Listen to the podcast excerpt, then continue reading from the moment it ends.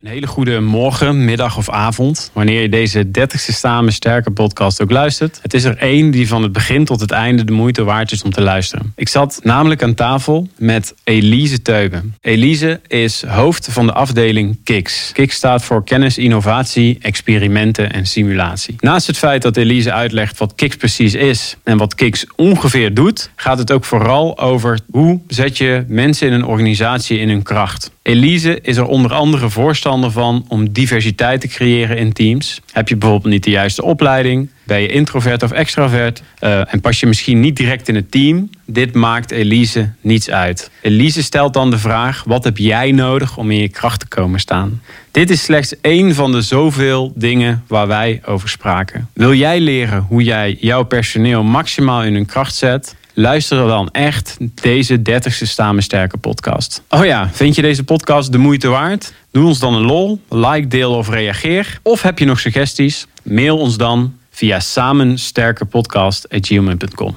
Deze podcast is te kijken via YouTube of te luisteren via jouw favoriete podcastplatform Soundcloud, iTunes of bijvoorbeeld Spotify. En hey, als de podcast te lang duurt voor je, pauzeer hem even en luister de volgende dag verder dan wil ik je nu uitnodigen om te genieten en te leren van de podcast met deze inspirerende vrouw en leidinggevende, namelijk Elise Teuben. Het ministerie van Defensie, een bedrijf met gepassioneerde, trotse en talentvolle mensen. In deze podcast verbinden wij deze mensen zodat ze samen sterker worden. Zoek Samen Sterker podcast en luister of kijk via YouTube, Gpal, iTunes, Spotify of Soundcloud. Ga je nu ineens anders gedragen omdat we begonnen zijn? Nee, doe ik dat? doe ik dat? Oké, nee, ga ik niet doen. Nee, nee, Nou, uh, welkom uh, nogmaals Elise. Een beetje gek om te zeggen, maar ja, weet je, uh, we hebben alweer, ehm, hoe laat is het nu?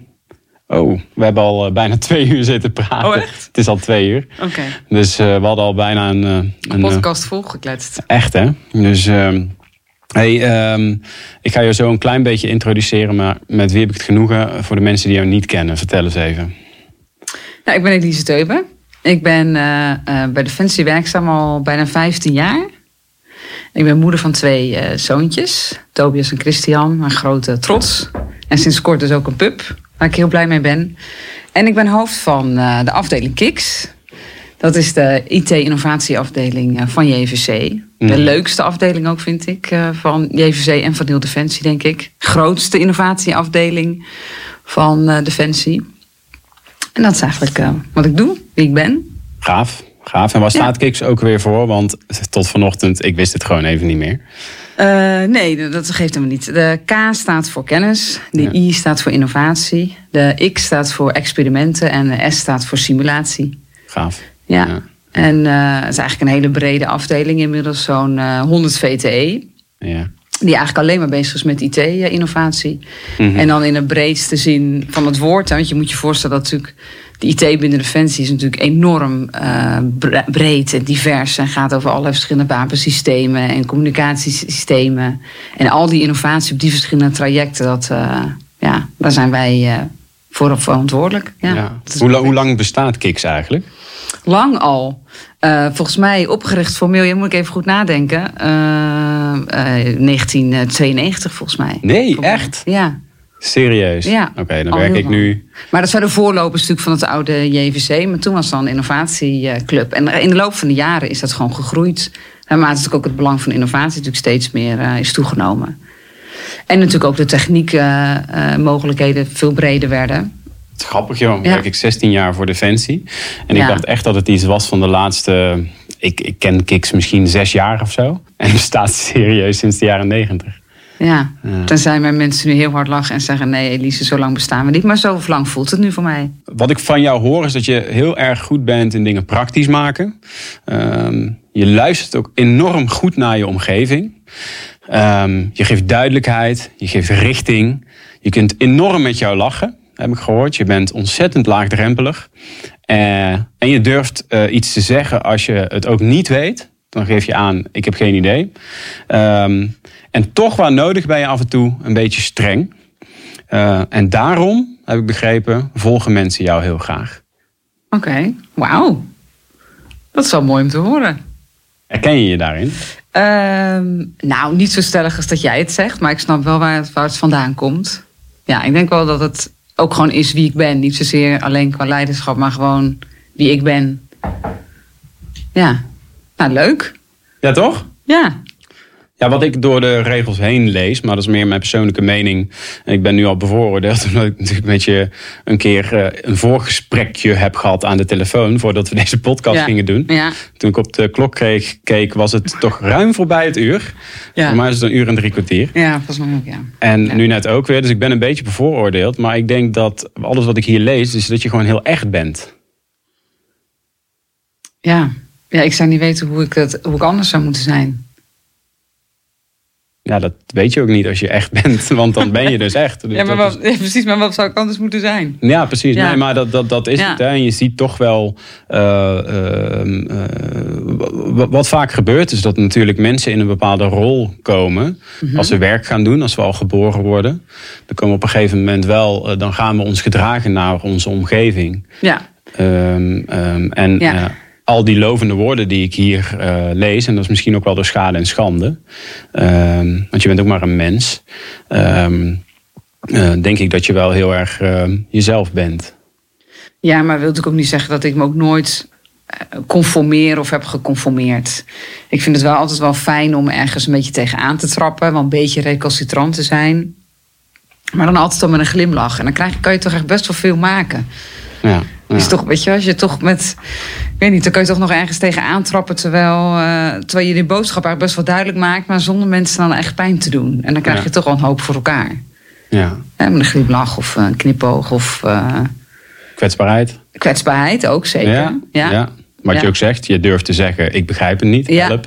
Ja, of ik vind het, dit heel moeilijk. Of eh, Ja. soms dan kan ik ook echt wel in MT-vergaderingen bijvoorbeeld zeggen van... Nou, hier word ik nu echt vreselijk geïrriteerd van, weet je wel. Dan, dan leg ik dat gewoon meteen eh, neer. Ja. Ja, Ja, en dat is denk ik eh, heel krachtig. Ik denk ook dat, ehm, ehm, dat dat steeds meer ook binnen een bedrijf als Defensie is. Dat mensen steeds meer over hun gevoel praten. ja, Eh, want want, want dat, dan praat je over je gevoel. Je voelt je geïrriteerd, dus je ja benoemt precies. het. Hè? Gewoon benoemen, ja. En dat een heel gewoon benoemen, is voor Ja. jou heel gewoon. Ehm, maar daar gaan we het nog over hebben. Want ik vind, ik, vind dat, ik vind dat fascinerend hoe je dat doet. Of je dat altijd al gedaan hebt, daar komen we zo op. Mhm. Ehm, maar Kiks, voor de mensen die Kiks eigenlijk niet heel goed kennen. eh, je zegt Ja. net het eh, grootste eh, innovatie Het leukste, en, en leukste, heel goed, bedrijf binnen Defensie. Ja. Wat doen jullie? Ja, wij doen echt extreem veel. Daar zouden we echt uren over kunnen praten wat er allemaal gebeurt. Dat zou ik natuurlijk niet doen. Maar uiteindelijk ehm, zijn we gewoon een brede afdeling. Waar mensen zitten met extreem veel kennis op het gebied van IT. Daar zitten echt wel de hele slimme knop, koppen die ook echt veel slimmer zijn dan ik. Eh, mensen die een enorme passie hebben voor IT en voor technologie. Allemaal op verschillende, met verschillende achtergronden. Eh, de ene heeft heel veel verstand van communicatiesystemen. De andere heeft veel verstand van bepaalde voertuigen. De andere heeft veel eh, verstand van ehm, eh, eh, communicatienetwerken. Gerubriceerd, juist het ongerubriceerde netwerk. Data science, simulatie. Mhm. Echt, you name it. Ja. Dat kun je allemaal opnoemen. Nogmaals, ik heb, dat heb je natuurlijk nog niet gezegd, maar ik heb geen IT-achtergrond. Dus je moet me geen ingewikkelde vragen gaan stellen over, eh, over IT-technologie. Maar dat, dat doen zij. eh, die beantwoorden die vragen voor mij. En we hebben dan sinds kort eh, is ook het datalab onderdeel geworden van KIX. Dus een data science lab. Waarbij we dus eh, data-oplossingen voor defensie creëren. En dat zit op dit moment echt vreselijk veel energie achter. Omdat we natuurlijk met informatie gestuurd optreden. Waar natuurlijk de nieuwe CDS eh, Ja. ook heel erg op stuurt. Eh, dat zit daar volledig in. Samen met de defensieonderdelen proberen wij echt te kijken... waar loop je tegenaan in je werk en hoe kunnen we dat verbeteren. Maar bijvoorbeeld Ja. ook de voertuigen die je nu gebruikt. Een bokser bijvoorbeeld. Wat voor data haalt zo'n zo'n zo'n voertuig nou allemaal naar binnen? En wat kunnen we nou eigenlijk allemaal met die data? Ja. En dat klinkt misschien als enorme open deuren... maar daar zit echt wel enorm veel technologie achter. Veel sensoren. Ja, eh, en hoe zorg je er nou voor dat je die data op een goede manier gebruikt? Ja. Eh, bijvoorbeeld voor je predictive maintenance, maar ook natuurlijk voor hele andere, hè, meer operationeel optreden.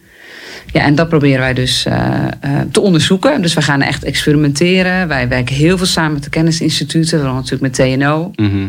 En heel veel met het bedrijfsleven. Dus Ja. we vragen dan gewoon aan het bedrijfsleven: Goh, heb je hier een oplossing voor? Kunnen jullie ons helpen? Ja. Ehm, en dan gaan we met elkaar een experiment doen. En dan gaan we gewoon dingen uitproberen. En eh, heel vaak eh, lukt het niet en heel vaak lukt het wel. Ja. En vervolgens is natuurlijk de grote uitdaging van innovatie om het ook daadwerkelijk in productie te krijgen, zoals wij dat dan noemen. Ja. Dus dat je het weet te implementeren en dat het ook echt verankerd wordt in Ja. de defensieprocessen. Dat is natuurlijk wel echt een tweede. Ja, want, want is dat ook wat je. ehm, je had het op een gegeven moment had je het over ehm, eh, in de voorbereiding. Eh, dat er een soort gap kan ontstaan. Eh, dat eh, je hebt een innovatie, Ja. de Valley of Death noem je het geloof Precies, ik. ja, zo heet het. Ik heb het even opgezocht met zo'n Ja. zo'n grafiek die dat aangeeft. Kun je dat Ja. eens uitleggen? Want volgens mij doe je daar ook een beetje op. Hè? Dus op het moment dat ehm, je hebt een innovatie, maar als je hem niet implementeert, blijft het slechts een goed idee. ja, En, heel veel geld kosten. Precies. Dat- en dan, voor- mij is het dan ook eigenlijk geen innovatie. Hè? Innovatie betekent echt dat je de nieuwste technologie toepast. Of een nieuwe werkwijze of een nieuwe procedure. Hè? Maar laat het even bij IT houden. En dat je daarmee je werkproces verbetert. En dat het daardoor of goedkoper kan, of makkelijker kan, of beter of sneller. ja. Ehm, maar op het moment dat je natuurlijk alleen maar innoveert zonder dat je daadwerkelijk dat doel bereikt, ja, dan, dan is het dus geen innovatie. Dan heb je dus gewoon een experiment gedaan. En dat kan nog steeds een succesvol experiment zijn. Maar daar be- bereik je niet het effect voor de defensieorganisatie. Ja, ja dat dus is dat effect we is heel belangrijk. Hè? Het effect is daar, daar draait het om en dat drijft ons ook. Ja. En daar probeer ik dus ook als afdelingshoofd continu op te sturen. Hoe bereiken we nou het effect voor de defensieorganisatie? En nou, ik kom zo op die Valley of Death, maar wat je vaak natuurlijk merkt, is dat wij vanuit IT-innovatieperspectief een aantal jaren natuurlijk vooruitkijken. Maar onze organisatie is daar natuurlijk niet. Ja. En dan kun je wel denken van nou, we kunnen de state of the art aan IT-innovatie eh, doen. Dat doen we ook. Hè. We gaan nu bijvoorbeeld beginnen met een heel mooi eh, project op het gebied van quantum. Met het bedrijfsleven en een aantal universiteiten. Eh, maar tegelijkertijd moet je ook reëel zijn met waar de organisatie nu staat. En hoe wij hen nu kunnen helpen. Zodat we op dit moment het meeste effect voor hen kunnen bereiken. En hen is dan?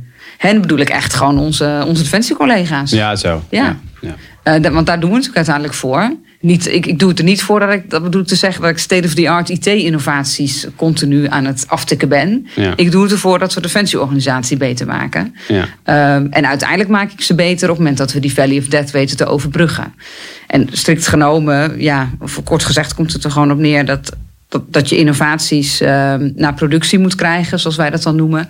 Dus dat het gewoon verankerd wordt in de hele JVC-organisatie of het Ja. betreffende onderdeel van JVC wat die IT dan levert. Ja. En wij proberen dan onze, het vernieuwende element daar zeg maar in te brengen. Ja, ja. Maar dat is best eh, een lastig eh, klus, want het vereist niet alleen maar capaciteit van die IT-afdeling, die ook al bomvol zit met andere klussen. Ja. Maar het vereist ook een aanpassing en, eh, en, en een vorm van samenwerking met het betreffende onderdeel. Eh, ik had het net bijvoorbeeld over die boxers, dus hè, neem in dit geval dan de landmacht. Dat betekent natuurlijk wel dat de landmacht ook echt capaciteit vrij moet maken om met ons mee te doen in zo'n experiment. En ons de ruimte moet, moet, moet kunnen geven om, eh, om dat uit te voeren. En ook hè, domeinkennis moet kunnen inbrengen. ja. Hè, want Noemen wij, jullie het ook altijd een experiment? Want een experiment, ik gebruik het wel eens eh, in coaching of training. Dat ik Ja. zeg, laten we een experiment gaan doen. Want een experiment mag ook mislukken. Ja, Eh, zeker. want sommige mensen zijn nog steeds, eh, denk ik wel, bang. eh, zeker ook in een defensieorganisatie is het soms leven of dood. Dus Ja. zeker ook train as you fight wordt er dan altijd gezegd. ja, Dus dan mag bang het niet om mis... te falen. Ja, bang om te falen. Ehm, is dat Ja. een bewuste keuze waarom jullie dan ehm, eh, het woord experimenteren zo vaak gebruiken? Eh, nee, eh, nou, nee, niet bewust, maar dat is gewoon wat het is. Ja, En het, is, het is echt van, hé, hey, ik, heb, eh, ik ben nu... bijvoorbeeld liaisons hebben we binnen onze afdeling. En die zeggen van, bijvoorbeeld, nou, ik ben bij die eenheid op bezoek geweest. Zij lopen heel concreet hier tegenaan. We hadden het idee, kunnen we niet eens kijken of deze technologie of deze zender of whatever... eh, is dat iets eh, wat ons werk zou kunnen verbeteren? Nou, en dan gaan we kijken wie binnen onze afdeling daar kennis en expertise over heeft. Ja. Met welk bedrijf we dat eventueel zouden kunnen doen. Ja. Of TNO wellicht bepaalde kennis heeft. Nou, dan ga je gewoon met elkaar eens proberen. Ja. Oh, kunnen we dan Titan Rood eh, hierop koppelen? Oh, nou, oh, dat werkt wel. Oh, het werkt niet. Ja, en dat is echt wat het is. Het is echt experimenteren. Want en dat maakt het- het ook juist zo leuk. Wat is de dynamiek een beetje? Hè? Want eh, je zegt leuk. Ehm, eh, hoe gaat dat dan op de werkvloer bij het koffiezetapparaat of nu, nu via Microsoft Teams? Zijn het Ja. dan allemaal van die hele eh, energieke, vrolijke mensen die duizend ideeën per dag hebben? Je had het net al over diversiteit. Hè? Eh, dat geldt voor Kiks ook. Daar zit echt, alles zit daarin. En mensen die jarenlang bij Defensie werken, eh, die al bijna richting de pensioengerechtigde leeftijd zitten. Mensen die echt net van de universiteit binnenkomen lopen of hè, nog stage lopen. Ja. Eh, mensen die vanuit het bedrijfsleven komen, vanuit de kennisinstituten, militairen, alles zit erin. En daarbij zit, heb je introverte mensen en extraverte mensen. Je hebt inderdaad mensen die heel creatief zijn. Maar je hebt ook andere mensen die juist gewoon heel veel kennis hebben op een bepaald vakgebied. Ja. En die hoeven dan per definitie niet heel creatief te zijn. Want dan komen hun collega's met bepaalde ideeën en zij leveren dan de kennis in. Ja. Maar we hebben ook bouwers. Hè? Mensen die gewoon echt heel goed IT kunnen bouwen. Ja. Die gewoon de hele dag op het toetsenbord eh, bezig zijn om echt dingen te bouwen. Dat wat iemand anders dan net weer bedacht heeft. Dus Ja. het samenspel met elkaar, dat vind ik echt heel belangrijk om dat binnen een afdeling te hebben. Dus dat je met elkaar echt aan iets werkt en niet dat iedereen zijn eenmanszaakje heeft. Ja. En weet je wel, zijn eigen Samen. werk zit te doen. Echt het samenspel, dat maakt het heel erg leuk. Samen sterker. Samen sterker, Ja, precies. Ja. Ja, ja. inderdaad. En nu, en nu gaan we al een beetje richting het talent. En daar wil ik ook nog uitgebreider op ingaan. Maar als je kijkt naar welke thema's. Hè, eh, ik heb er hier een paar opgeschreven. Eh, eh, AI, cyber, data science, ehm et cetera. Welke thema's op dit moment... ehm, zijn, ehm, zijn het meest belangrijke, want eh, het slagveld digitaliseert als het ware. Hè? Ja. Ehm, Ja. eh, in de visie 2035, eh, die ik met Onno besproken heb hier in de podcast, gaat het inderdaad ook over informatiegestuurd optreden, wat je, waar je het net zelf ook al over had. Wat is op dit moment, denk jij, het belangrijkste waar aandacht aan besteed moet worden? Nou ja, net wat je zelf al zegt, eh, data science en AI. Ik noemde dat net al, datalab is een heel belangrijk speerpunt. Maar je moet niet vergeten dat er enorm veel randvoorwaardelijke IT onder moet zitten. En dat is voor ons ook echt een heel belangrijk speerpunt. Ja. Hoe ga je er nou voor zorgen dat die koppelingen er zijn en dat het voldoende beveiligd is? Eh, Wat ook niet allemaal zichtbaar is voor mensen. Nee, vaak. precies. Wij noemen dat ook de onder de motorkap eh, IT. Dus dat, en dat, dat leeft ook eigenlijk natuurlijk veel minder bij, bij de defensieonderdelen, omdat ze het inderdaad niet zichtbaar is. Maar voor ons is dat echt randvoorwaardelijk. En wij geloven ook dat je daarmee nog meer effect kan bereiken voor de hele defensieorganisatie als je zorgt dat die randvoorwaarden goed zijn ingeregeld. Is dat ook niet frustrerend hoor? Een vraagje tussendoor. Dat je, eh, jullie weten van oké, we moeten deze stappen zetten Ja. om daar te komen. Het Ja. is niet direct zichtbaar, maar er moet wel heel veel geïnvesteerd worden. En uiteindelijk eh, komt de waarde van het product of de innovatie, die komt Ja, pas later. veel later. Ja, precies. Ja, dat is wat het is. En wij, wij, wij, werken ook echt met roadmaps en met, eh, met ja, jaren vooruit. En hè, net als wat ik bedoelde met quantum bijvoorbeeld, daar hebben we nu natuurlijk nog helemaal, daar kunnen we nu nog niks mee. Wat is dat? Concreet. Eh, ja, kwantumtechnologie. Oh, eh, eh, dat is, dat is een. een dus daar gaan we de komende jaren gaan we daarin investeren. En dat gaat later zijn vruchten afwerpen. Althans, dat denken wij. Hè. We Ja. weten nog steeds niet wat kwantum daadwerkelijk voor ons zou kunnen gaan betekenen. We weten al wel dat het ook bedreigingen met zich mee zou kunnen brengen. Ehm, dus we willen nu al voorloper zijn en we willen nu al die kennis opdoen. Ja. En ervoor te zorgen dat als er straks mogelijkheden zijn, dat wij ja, frontrunner zijn. Ja. En mee kunnen doen eh, in, die, eh, in die technologie en in die verandering. Eh, maar even terugkomen, je vroeg net naar die speerpunten. Ja. Ehm, en nou ja, natuurlijk, de defensievisie is voor ons natuurlijk ontzettend belangrijk en, en, en leidend. Data, data science benoemde ik het al. En die, die randvo- randvoorwaardelijke zaken daaromheen. Maar bijvoorbeeld ook simulatie is echt enorm aan het belang toenemen. Ehm, dat zien wij ook in gesprekken met de defensieonderdelen, maar ook richting de markt en bij andere spelers. Moet je simpelweg bedenken dat heel groot eh, aantal van voertuigen of eh nou, jachtvliegtuigen is het heel erg duur om daar eh, op een goede manier continu in te blijven trainen. Ja. En terwijl de technologie nu zo ver is dat je het eigenlijk hartstikke goed kan simuleren. En soms ook wel kan simuleren op een manier dat dat voor het personeel vaak ook net zo effectief is of anders effectief. Hè, dat je andere vormen kan trainen. Dus daar is simulatie heel belangrijk voor. Maar wat, we, wat wij zien aan toekomstige ehm, ehm, ja, bijkomstigheid van simulatie of een nieuwe toepassing is echt de ondersteuning van het militaire besluitvormingsproces. Dus je moet je voorstellen dat we eigenlijk proberen, eh, een commandant, nou, zoals je weet, moet u continu uh, beslissingen nemen. De omstandigheden veranderen continu. En moet bijvoorbeeld kiezen voor een route van A naar B.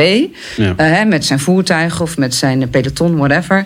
En hij gaat dus, hij heeft meerdere mogelijkheden om, om, om routes te, de route te bepalen. Nou, het wordt nu natuurlijk heel planmatig wordt het uitgerekend. Mhm. Maar je zou dat ook aan de hand van uh, simulatie kunnen doen. Dat je dus met heel veel data heb je dan ook weer nodig. Dus ook een data science toepassing. Maar dat je dan uh, eigenlijk de computer laten uitrekenen wat nou de beste weg zou kunnen zijn. En hoe je dan het snelst komt van A naar B, met welke obstakels je tegenkomt, welke alternatieven je dan hebt. En als je nu voor optie A kiest, wat gebeurt er dan met optie B? Uh, nou, dat, dat soort scenario's proberen wij nu uh, helemaal te ontwikkelen, waardoor de commandant uh, eigenlijk veel sneller in staat is om zijn beslissing te nemen. Ja. En dat dan ook, nou ja, eigenlijk cijfermatig kan onderbouwen.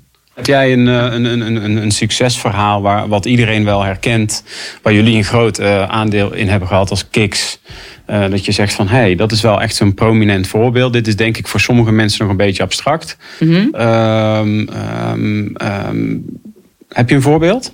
Nou, de voorloper van, van, van Kiks heeft bijvoorbeeld de Telestick helemaal ontwikkeld. en dat is echt een idee van Kiks geweest. Dat is natuurlijk echt het meest prominente voorbeeld, omdat iedereen daar nu ook maximaal gebruik van maakt. Ook goed trouwens dat je dat benoemt. Hè? Dus het gaat niet alleen um, over de boxer en ja. uh, onze schietbanen en alles wat gedigitaliseerd is. Maar ook uh, hè, en, uh, jammers ja. die ik in 2006, 2007 op het voertuig had zitten. Ja. Wat natuurlijk ook allemaal IT in zich heeft. Maar ook onze verlofaanvragen en onze, ja, onze telesticks. Dus dat is waar we het even voor de mensen die luisteren over hebben natuurlijk. Het is alles. Het is, ik had van tevoren ook niet verwacht dat het zo veelomvattend zou zijn. Nee. Uh, maar dat is het dus wel. Uh, een ander mooi succes is denk ik wel, wat ik hier kan noemen, is dat we recent van uh, de voormalige CDS de innovatieprijs hebben gewonnen. Met MUAS, dat is een, een data science toepassing die wij hebben ontwikkeld, waar Kiks echt jarenlang aan heeft gewerkt. Ook echt hele slimme koppen en wat ook echt een team effort is geweest. Ja. En dat is bedoeld ehm, ja, eigenlijk heel kort gezegd, geeft het een, dat systeem uh, uh, aan de hand van data science geeft het aan waar op de zeebodem je optimale uh, dekking hebt van je sonar. En dat kun je voor offensieve of defensieve operaties kun je dat gebruiken. Ja. en dat biedt eigenlijk een enorme veelzijdige bronnen van informatie samen.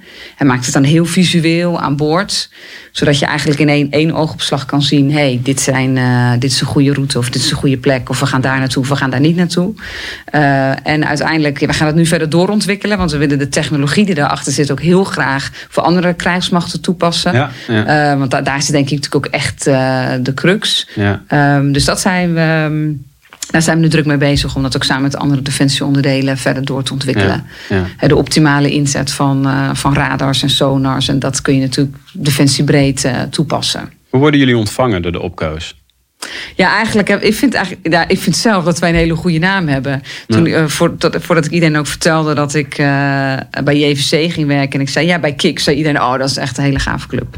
Dus dat, dat, daar ben ik wel heel trots op om dat, uh, om dat te horen. Ja. Um, maar de keerzijde is natuurlijk wel meteen dat men ook ziet van, ja, innovatie, we hebben het er allemaal over. Innovatie is ontzettend belangrijk. Maar als het puntje bij paaltje komt, ja. um, is natuurlijk het in stand houden van je huidige systemen. Zeker als je natuurlijk 24-7 een taak van je wordt verwacht. Hè, een, hele zware taak als defensie. Kiest men toch sneller voor het in stand houden dan voor het vernieuwen. Want je moet je voorstellen, als je wil vernieuwen, maar je moet tegelijkertijd in stand houden, dan kost het je dus meer, dubbel, zeg maar. Ik teken wel eens of ik heb, heb iemand uh, binnen mijn afdeling is uh, striptekenaar, die heeft een tekening gemaakt want ik zag dat zo voor me en hij, hij tekende het uit van brandende huisjes. Hè. Elke opko is een eigen huisje. En de vlammen gaan eigenlijk uit het dak. Hè. We hebben natuurlijk lang bezuinigd. Nee, ik hoef dat verhaal hier natuurlijk niet te houden. Nee, nee, um, Maar de vlammen gaan uit de dak. En, en, en iedereen is met de beste wil van de wereld probeert men die vlammen te blussen.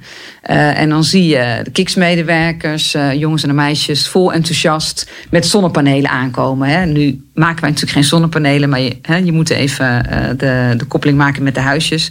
En wij gaan naar die opkoos toe en zeggen: Goh, wij hebben nu voor jullie de nieuwste technologie. Dit gaat je helpen, verduurzamen, goed voor de toekomst. Hè. Ja, scheelt ja, je ook nog geld mogen we die zonnepanelen op je dak monteren? Vervolgens zegt natuurlijk het opko, ja, hartstikke leuk je zonnepanelen, maar weet je, mijn dak staat in de fik. Ik heb nu water nodig. Ja. Uh, hè, en vervolgens zijn beide partijen teleurgesteld. Uh, hè? Ja, ja, ja, ja, Het opko is teleurgesteld, want die denkt, ja, waarom vinden zij niet een snelle manier om te blussen? En wij denken van, goh, waarom is men toch niet ook bereid om te investeren in, uh, in het nieuwe? En uiteindelijk denk ik dat het allebei moet gebeuren, maar dat vereist dus wel ook echt daadkracht en, en keuzes maken de defensievisie natuurlijk ook over heeft. Hè? Ja. Uh, maar dat is, uh, het is best heel lastig. Ja. Dus het is in stand houden en vernieuwen op hetzelfde moment. Waarom doen we dat? In stand houden? Omdat Terwijl we, we, allemaal zien, hè, we zijn allemaal, uh, we leven in een eeuw waar alles zo snel gaat. Iedereen ja. is zo connected. Ja. Um, hoe kan dat dan toch dat we zo in die comfortzone, want zo vertaal ik hem maar even, willen blijven zitten? Nee, ik denk niet dat het comfortzone is. Uh, ik denk dat als er. En generaliseren even. Hè? ja, precies. Maar als er continu iets van je gevraagd wordt. Um, dan moet, en je moet continu moet je blijven leveren. Hè, en, en de risico's zijn extreem hoog. Ja. Dan kun je niet zeggen, we sluiten de winkel even voor een paar maanden. Hè, en we gaan, uh, zoals jij wellicht thuis doet, weet je, van we gaan even een paar weken in een vakantiehuisje zitten. En we doen een nieuwe vloer erin en een nieuwe, een nieuwe keuken. En ik wil nieuw dit, ik wil nieuw dat. Ik wil een koeker erin en ik wil, uh, wat wil je allemaal in je huis? Ja.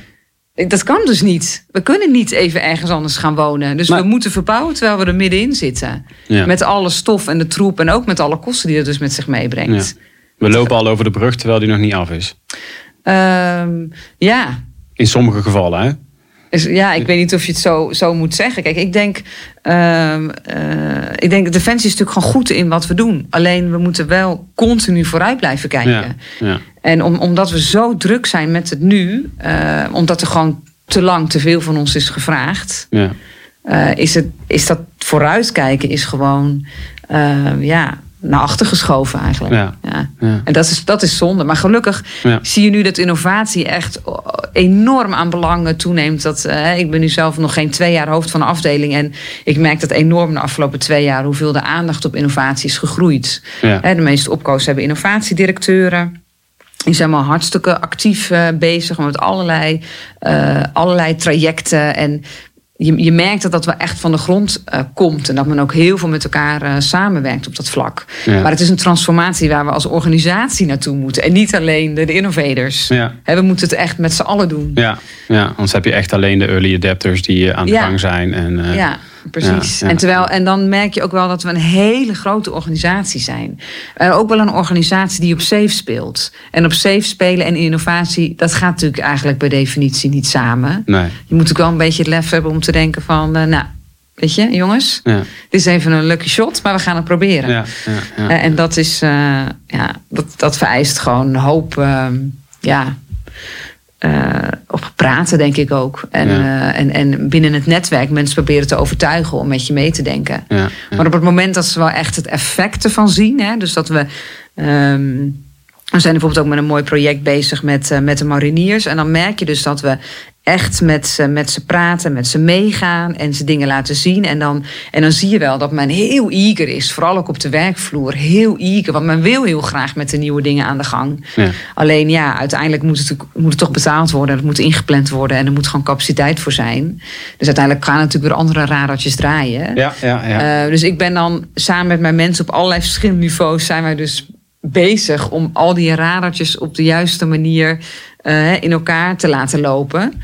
Uh, en dat vind ik eigenlijk het mooiste van het werk. Dat je, dat je, het, zo aan, dat je het aan ziet komen. Hè. Dat, dat, noem ik dan wel eens. En dat je dan dat, je dat spelletje met zo'n balletje. En dan van die bakjes die eronder liggen. En dat je dan uiteindelijk precies weet.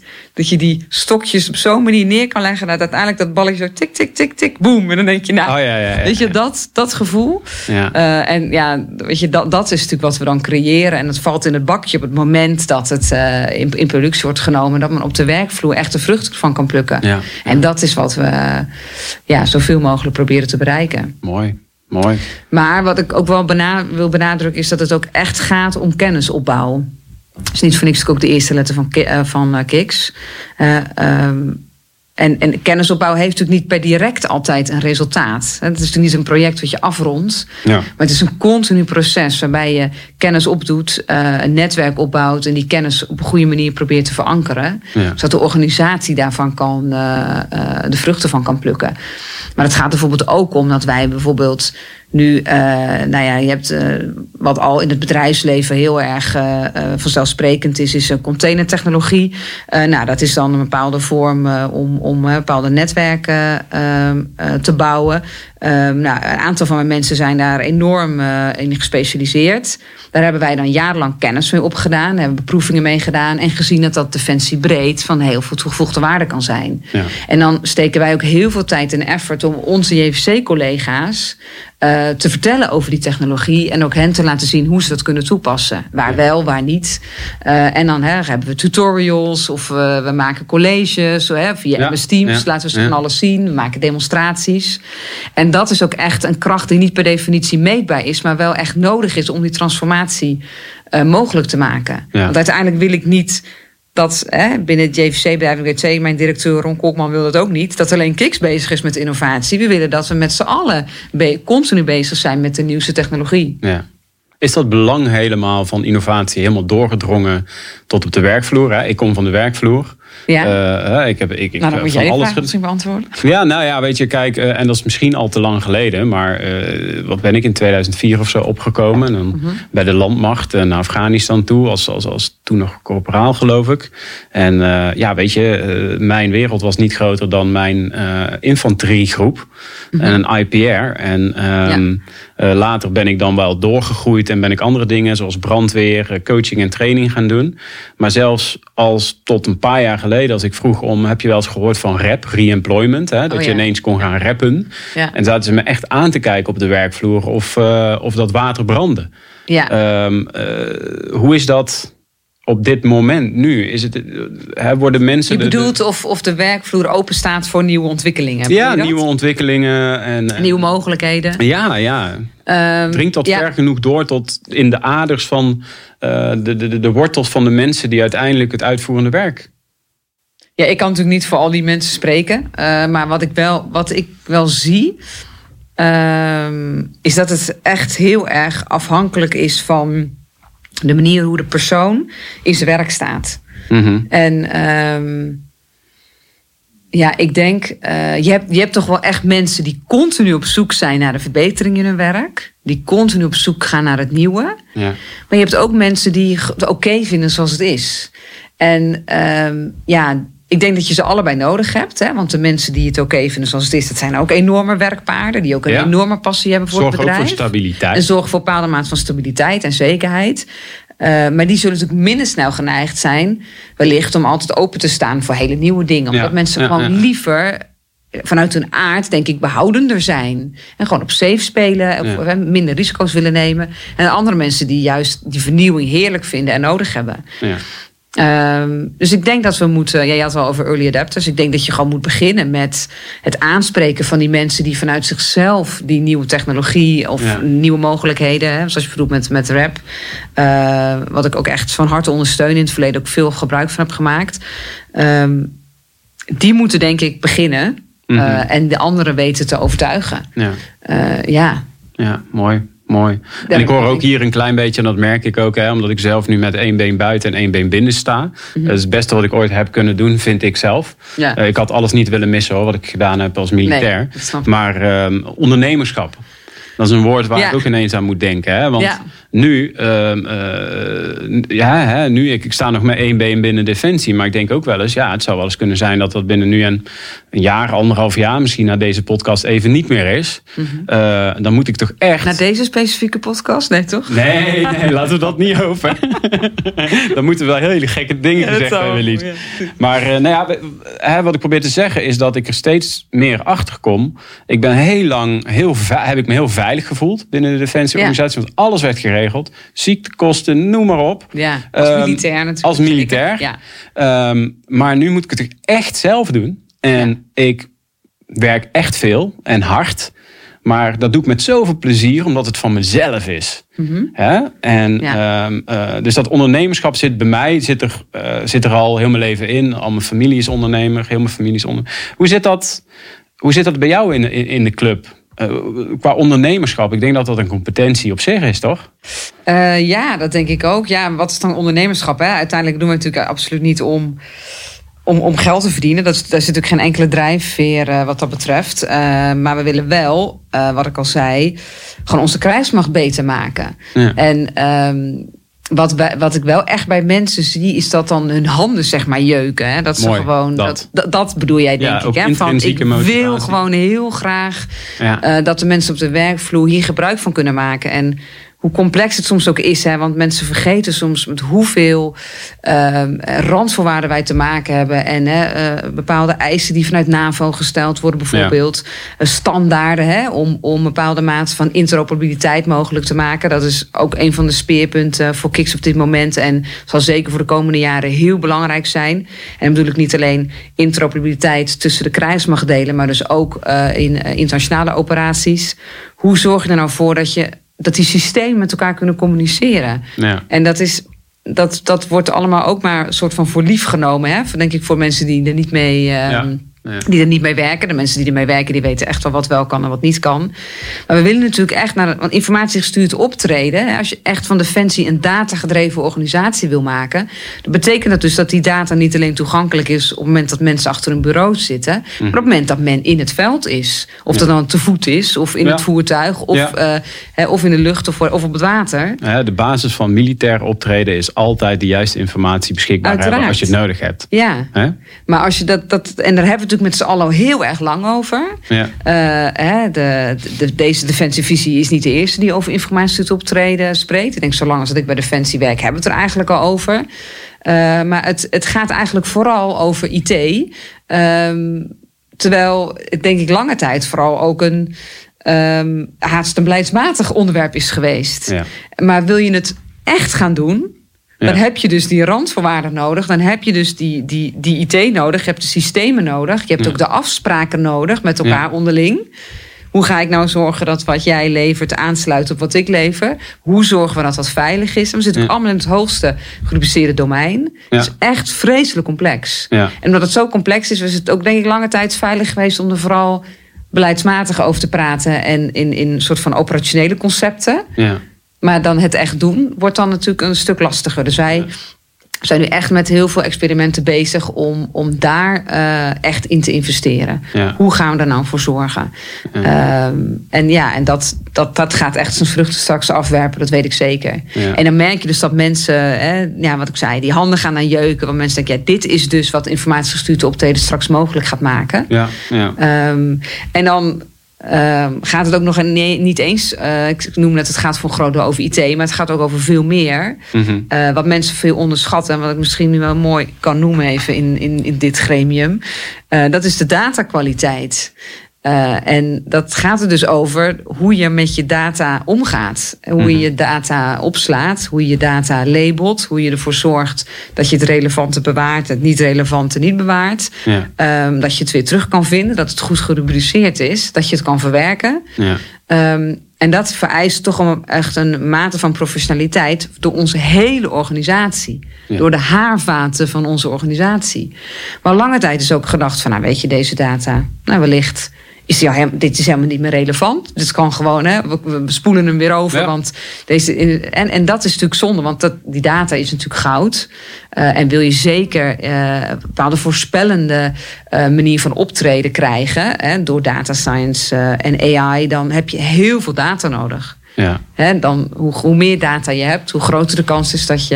Nou ja, het is een kwestie van kans berekenen, dat je zo goed mogelijk resultaat krijgt. Ja. Maar als die data niet van goede kwaliteit is, dan kunnen wij er ook niks mee. Nee. En wij noemen dan garbage in, is garbage out. Ja. Weet je, dan kunnen wij nog net een prachtig algoritme gebouwd hebben. Hele mooie IT daaronder. We hebben een mooi platform. eh, hebben we data science platform. We hebben alles in place.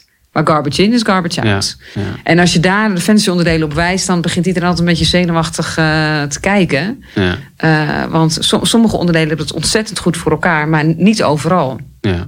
En dat, dat is zonde. En dus ik wil eigenlijk ook iedereen oproepen om nu echt te werken aan die datakwaliteit. Want Ja. in de toekomst heb je het nog veel harder nodig dan nu al het geval is. Want hoe doen wij het wereldwijd? Eh, als eh, defensie, eh, Nederlandse defensie krijgsmacht.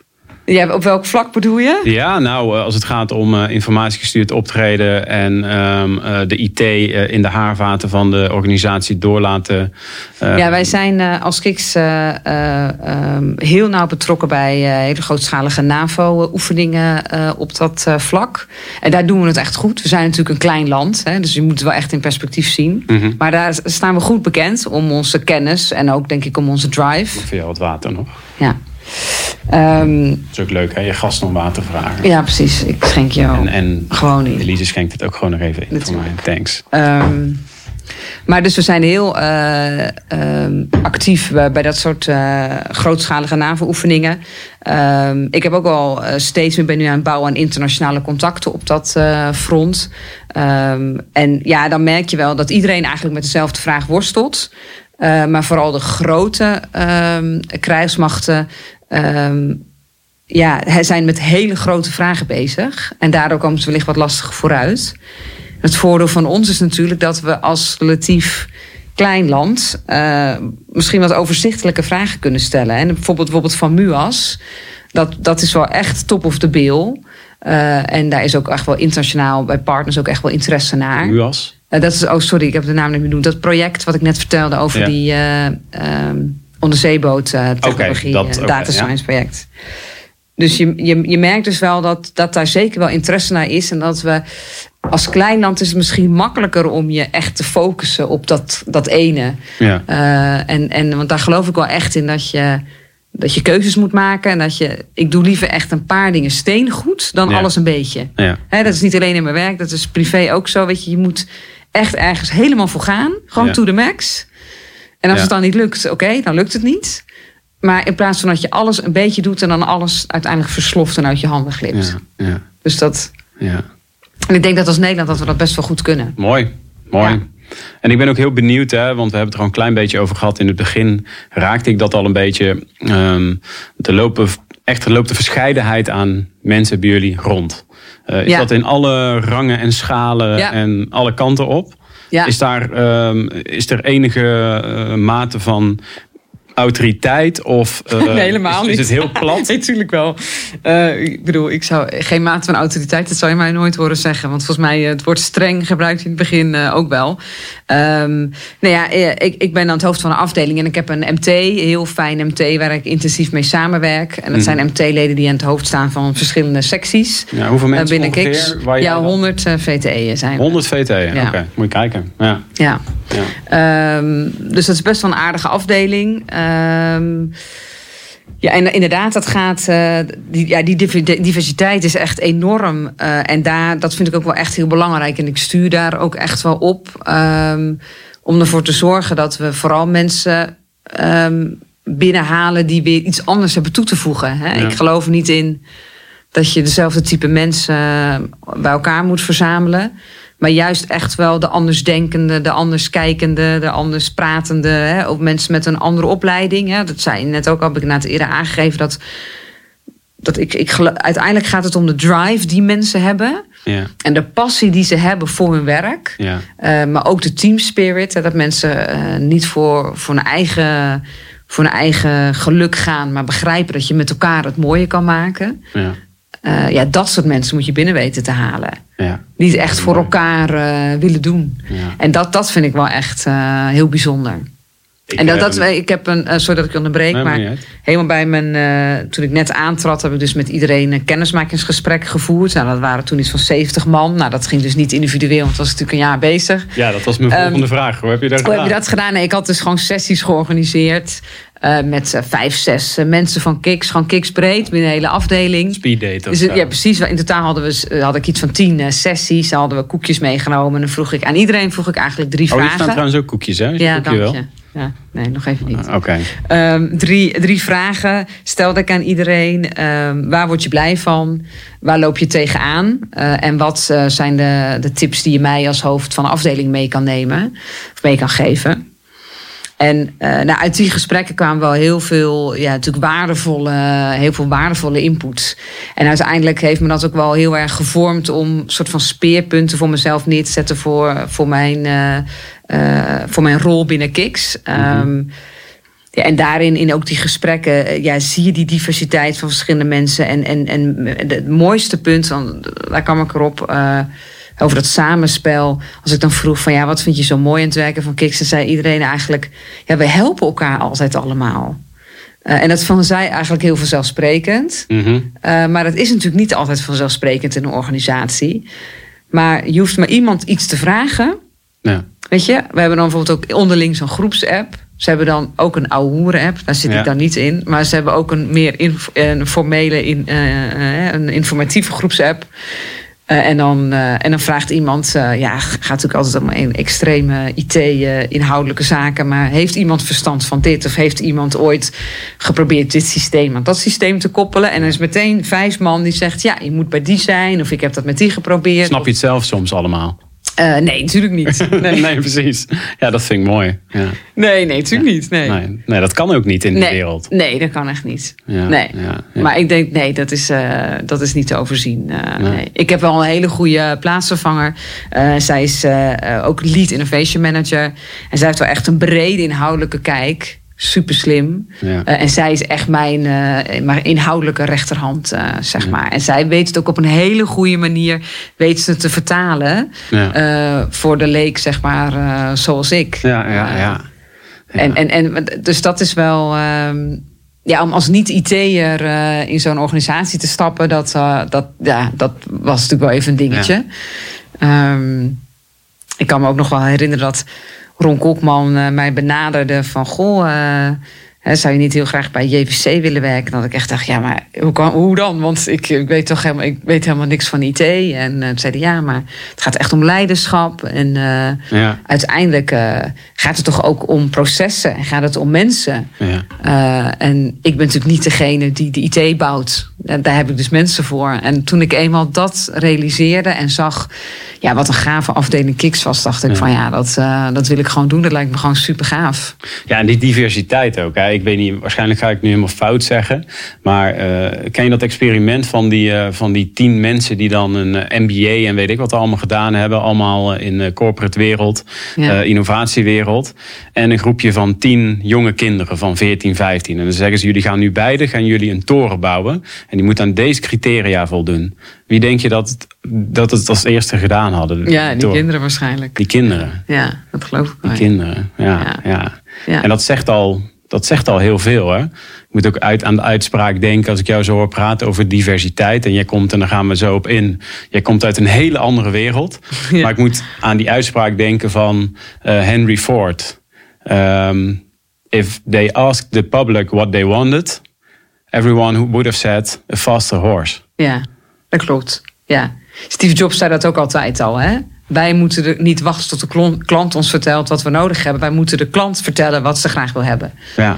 Ja. Dat is het een beetje. Dat hè? is wat het is. Maar dat ja. kan ook niet anders. Want hoe kan de klant nou weten wat de toekomst ons allemaal gaat brengen? Ja.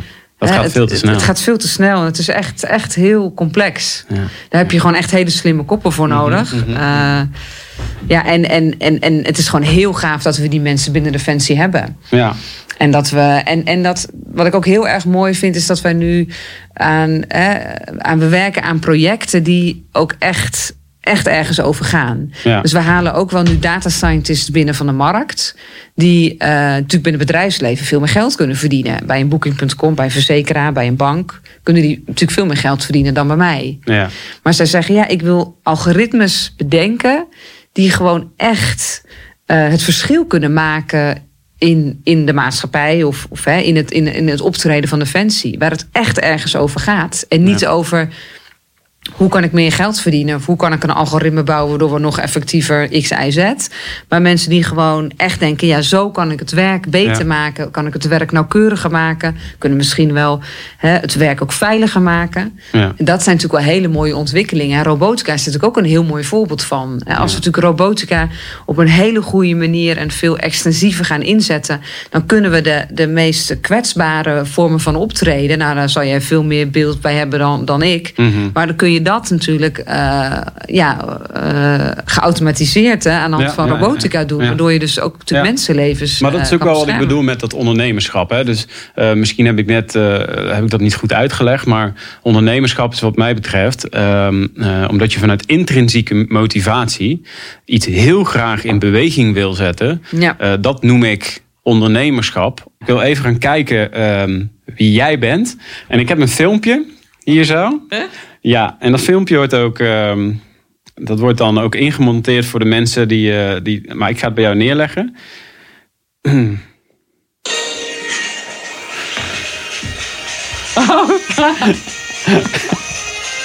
Ja, geweldig. Oh, dit was toch fantastisch. Die- Het geluid alleen al. Zou die nog vrijgezel zijn? Ik denk dat die oud is inmiddels. ja, fantastisch. hè. Ja, die, hiermee begon het. Dit keek ik met mijn broertje. Judge Advocate General. Ja. Ja, geweldig. Leuk hè? Ja, echt super gaaf. Goh, waarom pak Ja, ik dat filmpje er nou bij? Ja, maar pak je dat filmpje erbij? Ja, Hoe ehm, weet ik dat eigenlijk? Hoe weet jij dat? Ja, Heb ik, je, heb ik het je niet verteld? Je ja, ik heb het jou verteld, ja. Ehm, ja, ik, ik was denk ik jaar of eh, 18 of zo, dat ik eh 17, eh, dat, ik, dat deze serie eh, op, op de buis eh, was. Voor de mensen, ehm, ehm, Jack, Jack, ja. Sarah Mackenzie en... Hoe heet die ook alweer? Ja, geen idee. Oh, jij weet alleen haar naam nog. Ja, tuurlijk. Ja, je, ziet, je hebt haar natuurlijk nog wel heel veel teruggezien, maar hem eigenlijk niet meer, nee, volgens mij. Nee. Nee. Oh, heet die ook? Nee, ik kom er nu even niet op hoe die heette. Nee, maakt niet uit. Maar, Maar- Waar, waar ging die ongeveer over? Nou, hij was eh, eh, eh, eh, legal advisor voor de US Navy eigenlijk. Eh, en eh, en hij, eh, hij, ja, hij, hij was dus, had rechten gestudeerd eh, en, en adviseerde gewoon eh, de US Navy allerlei hele operationele Mhm. zaken. En het ging natuurlijk allemaal de werkelijkheid ver te boven, maar daar ging het natuurlijk niet om. Lekker maar- romantisch. Heel erg geromantiseerd. Maar uiteindelijk, mo- ja, ik, ik ging natuurlijk rechten studeren. Dat had ik op een gegeven moment besloten. ehm, aan de Oude Manhuispoort eh, in Amsterdam. Van de Universiteit Amsterdam. En eh, daar had je een universiteitsblad en dat heette Folia. En daarin stond een recent artikel met eh, Terry Gill. En dat is een, eh, een professor op het gebied van humanitair oorlogsrecht. Dus eigenlijk alle nou, juridische kaders voor gewapende conflicten. Hoe, je, gewoon, hoe je optreden gelegitimeerd is. eh, wat de mogelijkheden zijn. En wat, wat gewoon niet rechtmatig is. En dat eh, eh, Terry Gill vertelde het op zo'n fantastische manier eh, in dat universiteitsblad. En ik dacht gewoon, ja, dit is gewoon Jack in het echt. Ja. Want het ging echt over eh, dat ook binnen de Nederlandse defensie juristen werkzaam waren die eh, aan, aan, aanwezig waren bij de planning van militaire operaties of hè, bij totstandkoming van bij spreken wapensysteem of keuzes van wapeninzet, whatever. Ehm, en dacht ik, ja, dat is gewoon, eh, dit, dit, is, dit is gewoon wat ik wil. Daar, daar kreeg ik gewoon echt, eh, ja, daar kreeg ik echt heel veel passie eh, van. En toen ben ik dat vak gaan volgen. Toen ben ik stage gaan lopen bij de luchtmacht. Ook een half jaar gedaan, vond ik echt fantastisch. Ik heb heel veel F-16-vliegers contact gehad over de juridische kaders van een optreden. Dat is echt geweldig. Daar leerde ik al een beetje dat je hè, een juridische, juridische, academische opvatting kan hebben. En hoe werkt dat dan in de praktijk? Ja. Ehm, en vervolgens, eh, je had Defensie in die tijd een vacaturestop. Dat was toen in 2005 of zo. Toen kwam er echt niemand in vanwege bezuinigingen. Dus heb ik een aantal jaar bij een ander departement gewerkt. En toen heb ik daarna een open sollicitatie naar Defensie gedaan. Van jongens, eh, ik hoor gewoon bij jullie. Inmiddels had ik ook nog bij de Verenigde Naties stage gelopen. Ik dacht, ja, ik hoor gewoon helemaal in dit domein. En Ja. toen werd ik aangenomen. En, eh, toen, En dus kwam jouw. Jack-droom uit. Toen kwam mijn Jack-droom uit. Maar ik ben dus nooit militair jurist geworden. Had ik wel kunnen doen. Ja. Heb ik ook wel echt wel overwogen. Ja. Eh, dan zit je natuurlijk veel meer in het operationele domein. Ik zat echt veel meer in het politiek-bestuurlijke domein. Alleen, ja, ik was natuurlijk, ik wilde graag moeder worden, twee kleine kindjes. En en, ja, dus voor mij was dat, ik, ja, ik, ik zag dat niet samenvallen. Dus toen ben ik, uiteindelijk ben ik gewoon burger gebleven. Ja. Ja. ja. En Ah, toen ook weer hele andere dingen gaan doen. Ja. Maar dat is inderdaad mijn achtergrond. Ja. Ja, hard jurist. ja, echt hè? Ja. ja, en het grappige is uiteindelijk dat je dan... ehm, want je hoort wel eens eh, dat... dat ehm, en ik ga nu mensen tekort doen... maar het stigma heerst wel eens natuurlijk... dat eh inkopers en juristen en zo... ehm, nogmaals, stigma... Ja. eh, dat die voornamelijk in regeltjes en procedures denken. ja. En vooral vertellen wat niet mag. vooral vertellen wat niet mag. En dan ineens wordt je hoofd van een van de meest eh, innovatieve eh, Ja. afdelingen van eh, Defensie. Ja. Grappig, hè? Ja, over Ja. diversiteit gesproken. Want daar hadden we Ja. het over. Ja. Wat heeft dat jou gebracht tot nu toe? Ehm, En, jou, nou, en de mensen waar je aan leiding geeft. En de mensen waar ik aan leiding geef, inderdaad. Ja, die zullen ook wel gedacht hebben op voorhand van, oh mijn hemel. Ehm, nou, ik denk dat dat wel mee te maken heeft met wat ik eerder benoemde van... ehm, eh, ja, vooral in eerste instantie heel erg vanuit mijn, eh, vanuit mijn denken, vanuit mijn ratio geleefd. En daar past een rechtenstudie ook heel erg goed bij. Hè? Het is natuurlijk heel erg eh secuur, het is heel duidelijk, het is eh, structuur, het is afbakening. Het is echt, eh, nou, als je kleuren wil denken, heel blauw. Ehm, en gaandeweg steeds meer tot de conclusie gekomen dat ik eigenlijk veel gevoeliger ben dan dat ik mezelf realiseerde. En dat ik me, dat, dat, ik dat onderdeel van mij, hè, bepaalde creativiteit en uitbundigheid en impulsiviteit, dat ik veel te weinig ruimte liet.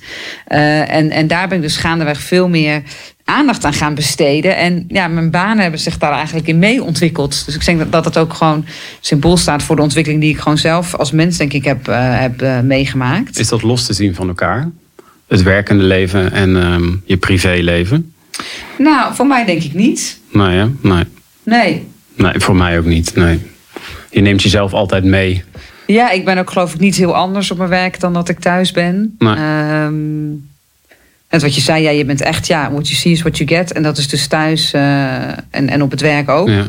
Eh, en ik, maar ik vind het wel heel belangrijk om je dus niet te associëren met één bepaald beeld. En daar vervolgens dan ook soort van in te blijven hangen van dat is het dan. Hè? Want het is Mhm, juist denk mhm. ik belangrijk om continu bij jezelf te spiegelen van goh, wat, wat is er nou nog meer? Doe je dat? Ehm, nou, dat ben ik nu veel meer gaan doen de laatste jaren. Maar uiteindelijk, ik, ben, ik was natuurlijk echt die hard eh, jurist. En ik vond het fantastisch. Ik heb hele gave dingen gedaan. Ik heb echt. Soms had ik het gevoel dat elke week het werk wat ik deed eh, in de krant stond. Ik was echt heel nauw bij betrokken bij allerlei eh, of kamervragen of gewoon Mhm. besluitvorming. Of ik heb heel veel gedaan op het gebied van crisisbeheersing en, en dat soort dossiers. Vond je dat ook belangrijk? Had je die aandacht nodig? Nee, want heel veel mensen wisten niet eh, dat ik daarmee bezig was. Nee. Dat maakte me ook niet uit. Maar ik vond het, ik vond het belangrijk om op die manier maatschappelijk betrokken te zijn en iets Ja. eh, te leveren. Ook gewoon eh, eh, toch ergens ook de invloed die je hebt. Hè? Dat als je bijvoorbeeld meewerkt aan een, een bundel van de minister eh, hè, voor de Tweede Kamer. En vervolgens hoor je dat de minister jouw tekst opleest. Ja, dat is dan toch gewoon gaaf. Tuurlijk. Dan denk Ja. je, hé, hey, ik zit dus nu gewoon wel echt mee te denken, mee, mee te schrijven.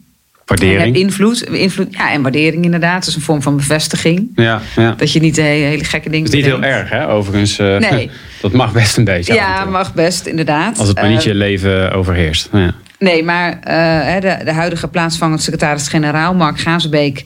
eh, die was destijds mijn directeur juridische zaken. Mhm. En op het moment dat ik dus echt diehard jurist zeg maar, was... zei hij tegen mij, goh, moet jij niet eens gaan leiding geven? ja. En zei ik, dat, dat verbaasde me enorm. Zei ik, ik leiding geven. Zei ik, nee joh, ik ben hier de jongste op de afdeling. En eh, deze mensen hebben hartstikke lang ervaring. En hij zegt, nee joh, jij moet het MD-traject eh, gaan doen. En eh, je bent al bijna te laat. Je, kom op, ga beginnen. En ik, ik, ik zie dat echt in jou. Toen dacht ik, oh, oké. Dat? Dat, dat ik moest gaan leiding geven. Dat Ja. zag hij. Hij zag mij als, als, als een leider. En dat zag, zo zag ik mezelf niet. Althans, Ja. wellicht ooit in de toekomst, maar niet op korte termijn. En toen heb ik eh, mijn omgeving gevraagd. Ja, en die bevestigde wel dat beeld. En toen dacht ik, oh, nou, misschien moet ik het toch maar eens gaan proberen. En toen ben ik dat management development, eh, het MD-traject van Defensie gaan doen. Ja. En ja, en toen is er wel een hele andere wereld voor mij opengegaan. Want het leiderschap gaat natuurlijk veel minder over eh, die structuur en dat innekader. Het gaat juist veel meer over de mensen, in mijn optiek dan, over de menselijke kant en de verbinding maken. Ja. Wat je zei, jezelf kwetsbaar opstellen. Eh, En, en, ja, en ja, daardoor eh, ja, ben ik gewoon toch in een andere koers beland. Als mens, maar dus ook in mijn werk. Mooi. Ja. Mooi. Ik heb nog een filmpje voor je. Oh, echt? Ja, ik blijf maar doorgaan, joh. Oh, ik ben benieuwd. Ja, ja, ja. en het haakt gewoon even aan op dit moment. Dus ik, ehm, ja, ik laat je gewoon kijken. Lise. Ach, Mark. Een podcast over veranderaars, verandermanagers. We kennen elkaar al een hele tijd. Sinds de tijd dat jij bij de directie Economische Zaken kwam werken. Het is natuurlijk een prachtig bolwerk van, eh, van kracht en intellect daar bij de DZ.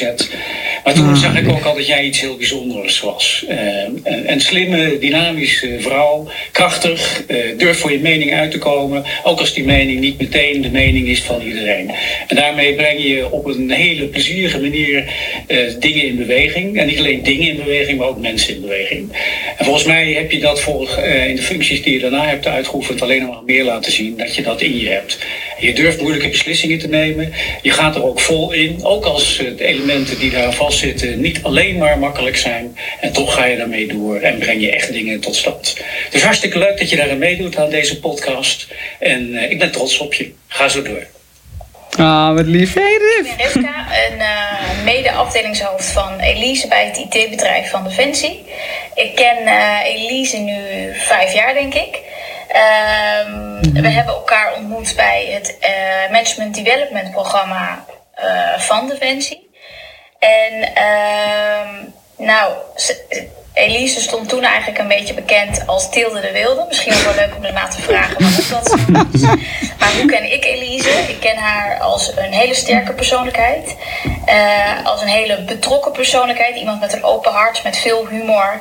Uh, uh, gaat altijd haar eigen weg. Weet heel erg goed wat ze wil en hoe ze dat uh, wil bereiken. En uh, ik denk dat iedereen altijd een beetje meer Elise wil zijn. Die het zelfvertrouwen, de eigenheid, het kiezen voor een bepaalde weg en daaraan vast blijven houden. En ik denk ook wel wat heel erg Elise is, is altijd bezig met de verbetering, met de verandering. Uh, het willen verbeteren voor haar op dit moment, voor haar eigen mensen als het gaat als afdelingshoofd. Um, en ik denk dat dat ook zo ontzettend goed past bij innovatie. Altijd bezig zijn met nieuwe dingen, veranderen. Uh, ten goede. Dus uh, om dingen te willen verbeteren. Nou ja, dat is echt Elise. Ik ken haar natuurlijk ook, inmiddels ken ik haar ook als een hele goede vriendin. Uh, en weet hoe leuk ze is. Uh, de humor die ze heeft en de, leuke, de, de twee leuke zoontjes die ze heeft. ze is heel graag buiten. Ze is altijd bezig met de natuur en in de natuur. Ze heeft ook een hele leuke nieuwe hond. pup, een hele leuke pup. Um, dus dat is misschien ook wel heel leuk om te vertellen. Nou, um, ja, hier wil ik het eigenlijk een beetje bij laten. Doei. Lieve Elise, Ah, moes. het werk dat ik wat Aha. ingespreken voor jou. Al vanaf je geboorte zijn we heel erg blij met je. Je was ontzettend lief en aardig en vooral heel erg ondernemend toen je wat ouder werd. Je begrijpt, mama is erg trots op jou. Heel veel liefs. Hoi Elise, je bent altijd al heel ondernemend geweest. ah. En hoe jij momenteel alles doet in je eentje, dat vind ik heel knap. Ik ben trots op je. Liefs, papa.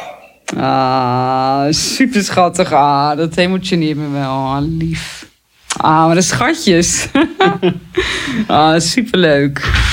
Lief. Allemaal lieve mensen. Ik zie het daar, ja. Ja. Ah. Ja, lief. Waarom raakt het je zo? Ehm.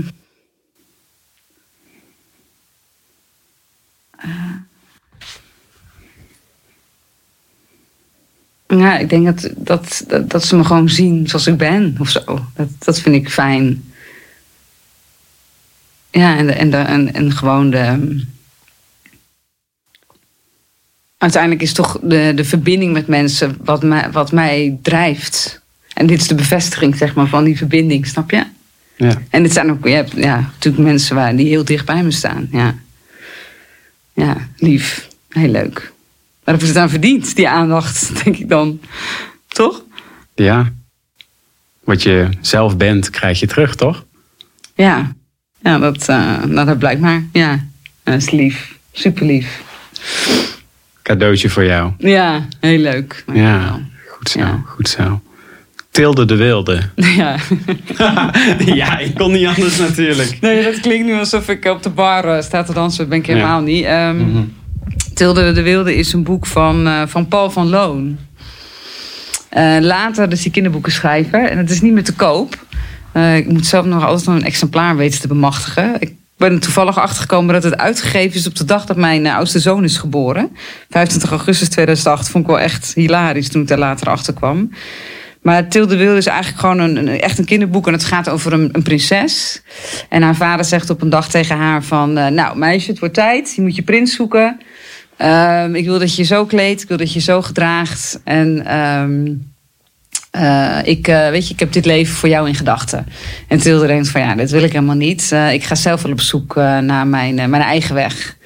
En ze trekt die enorme baljurk uit en trekt gewoon normale kleding aan. En dan komt ze eerst bij een piraat en die wil dan van alles met haar. En dan gaat ze even een stukje mee varen. Maar dan denkt ze, nou, eigenlijk ook niet zo bijzonder. Ik ga weer door. Dus ze neemt alleen zijn hoed mee en dan gaat ze weer door. Dan komt ze bij een van de ridder. En eh, rijdt ze mee een stukje op zijn paard. En dan denkt ze ook, nou, ik heb het ook wel gezien. En dan neemt ze zijn zwaard mee. Dus uiteindelijk zie je dan zo'n zo'n meisje met zo'n met zo'n eh, eh, zo'n hoed op en zo'n zwaard eh, ehm, door het boek heen stampen. En dan komt ze bij een enorme draak. En die draak die heeft pijn. En dan blijkt dus dat eh, de draak een rotte kies heeft. En Tilde gaat dan, eh, dapper als ze is, met dat zwaard eh, in die bek van die draak. En eh, die verwijdert hij die tand. Nou, en dan blijkt er, wonder boven wonder, het is natuurlijk een kinderboek, dat er een prins in de bek van de draak eh, zit. Dus ze redt die prins. Denk je nou, eind goed, al goed. En dan op de allerlaatste bladzijde zie je die prins echt zo helemaal hopeloos naar de lucht kijken. En dan zie je Tilde de Wilde op die draak wegvliegen. Ja, en dat, ja, zo was ik dus Tilde de Wilde. Ja. Mooi. Ja, gewoon je eigen pad volgen, niet conformistisch zijn en dat ook niet, eh, ja, gewoon, ja, gewoon je eigen pad volgen. Dat, ja, en, en we moesten ons bij het MD-trek moesten ons allemaal eh, voorstellen. Ja. En toen had ik dit. eh, Dit was jou. dit was mijn verhaal. Wat zijn de momenten waar je veel van geleerd hebt in je leven, waardoor je nu de leidinggevende, het mens bent, dat hier zo tegenover mij zit? Ja, ik denk dat, ehm, hè, dat, dat daar, de, echt afgaan op je ratio is natuurlijk gewoon een vorm van ehm, vermijding. Hè? Het is een vorm van om je, om je angsten eh, proberen onder controle te houden. En ik kon dat gewoon heel erg goed. Ik wilde gewoon eh, altijd eh, doen wat er van me gevraagd werd. Ik wilde nooit mensen teleurstellen. Ik wilde gewoon ook wel echt dingen bereiken. Wel altijd het goede doen. En dus ik speelde, ja, ik was echt gefocust op wat ik moest doen, of wat anderen dus van mij verwachten. Ja. En gaandeweg, ehm, nou, ik denk dat mijn echtscheiding daar ook wel een rol in heeft gespeeld. Realiseerde ik me dat dat niet per definitie mijn, eh, mij gelukkig maakt. Eh, en dat ik dacht, ja, ik, ik wil, er is meer in het leven dan alleen maar datgene doen wat van je verwacht wordt. Hè? Dus dat meer, meer dat niet-conformistische eh, manier van leven. Waardoor ik ja, meer ehm, mijn verstand of mijn ratio meer als, een, als een, een, een, een raadgever ging zien. Maar ook realiseerde dat er veel meer andere raadgevers waren. Eh, en dat ik die gedachten ook af en toe stil kon zetten. Want het ging af en toe wel, eh, wel flink, eh, maalde dat door mijn hoofd. En daardoor ben ik veel meer ruimte gaan creëren om inderdaad gewoon te voelen. En ook wel echt daardoor makkelijker contact kunnen maken met mensen. Mhm. Want van, ja, wij zouden bijvoorbeeld een hele eh, academische of rationele discussie kunnen houden over waar Defensie nu staat. Of, Ja. eh, hè, maar als we echt samen verbinding maken, dan gaat het natuurlijk toch veel meer over de emotie en, en over wat je voelt eh, of wat je niet voelt. Ehm, en nou ja, daardoor is meer ruimte ontstaan en kon ik meer verbinding maken. En, en nou ja, heb ik zo inderdaad hele fijne mensen om me heen verzameld. Die dat eigenlijk ook doen. En die dat, die dat ook fijn en, en, en, en bijzonder vinden. En dat heb ik op die manier ook eigenlijk toegepast eh, op mijn werk. En wat ik wel eh, angsten, want je vroeg wat, wat is jouw weg dan? Ik denk dat angsten horen erbij in het leven. Hè? En ik geloof ook echt dat, eh, dat het belangrijk is dat je als mens weet wat jouw waarden zijn in het leven. Hè? Waar je echt voor wil, eh, nou, waar, waarvoor, je, waarvoor je echt wil leven. Maar dat al die waarden toch gepaard zijn met een bepaalde prijs of een bepaalde pijn die je daarvoor moet ervaren. Wat zijn Eh, jouw waardes? Nou, voor mij is natuur wel echt eh, een, een hele belangrijke waarde. Dus echt in, in, gewoon echt in de natuur zijn. Eh, uiteraard is mijn familie eh, mijn belangrijkste waarde. En mijn familie en vrienden om me heen. Ehm, ik vind ambitie en, en werkgedreven ook echt iets. Hè, invloed willen bereiken is voor mij ook wel een belangrijke waarde. Ehm, en toch ook wel eh, spiritualiteit. eh, nadenken over wat meer is en eh, wat je niet ziet. Ja. Ehm, dat vind ik ook wel echt heel belangrijk. Wat brengt dat jou? Al die waardes. Spiritualiteit, laten we daar beginnen. Ehm, ja, het helpt mij soms om gewoon los te laten en te denken: ach, Ja. ik hoef het niet allemaal te weten. Ik hoef het niet allemaal te ontcijferen. Ik hoef er allemaal geen controle op te hebben. Het is gewoon wat het is. Hè. Dus meer in, gewoon in, het, ja, in het nu zijn. Het zijn allemaal van die enorme open deuren. Maar gewoon echt wel gewoon zijn. En gewoon hebben momenten ervaren. Waar ben je het meest trots op? Mijn kinderen. Je kinderen? Ja. Ja, dat was een makkelijk antwoord. hè? Ja. Mooi, Ja. mooi. Nou, daar kan ik eigenlijk helemaal niks meer aan toevoegen. Enfin, laten we het dan... Thanks. Ik vond, eh, Jij ik vond het heel fijn. Ik vond het ook leuk. We gaan, oh ja, en eh, Oh ja. mensen, nee, nee, nee. eh, jij bent de eerste podcastgast die voor mij een taart bakt. oh ja, dat heb ik gedaan. Oh, dat is nu de norm. eh, dat je elke volgende gast moet iets Ja, pakken. dus iemand Ja. die echt serieus, die kwam hier aan, echt in een taartje gebakken. Ik weet niet hoe het smaakt, zegt ze nou. Ja, hij was heerlijk. Dus eh, ik heb eigenlijk nog wel zin in een stukje. Ja, laten we het doen. Ja, zullen we dat doen? We gaan het gewoon doen. Yes, thanks.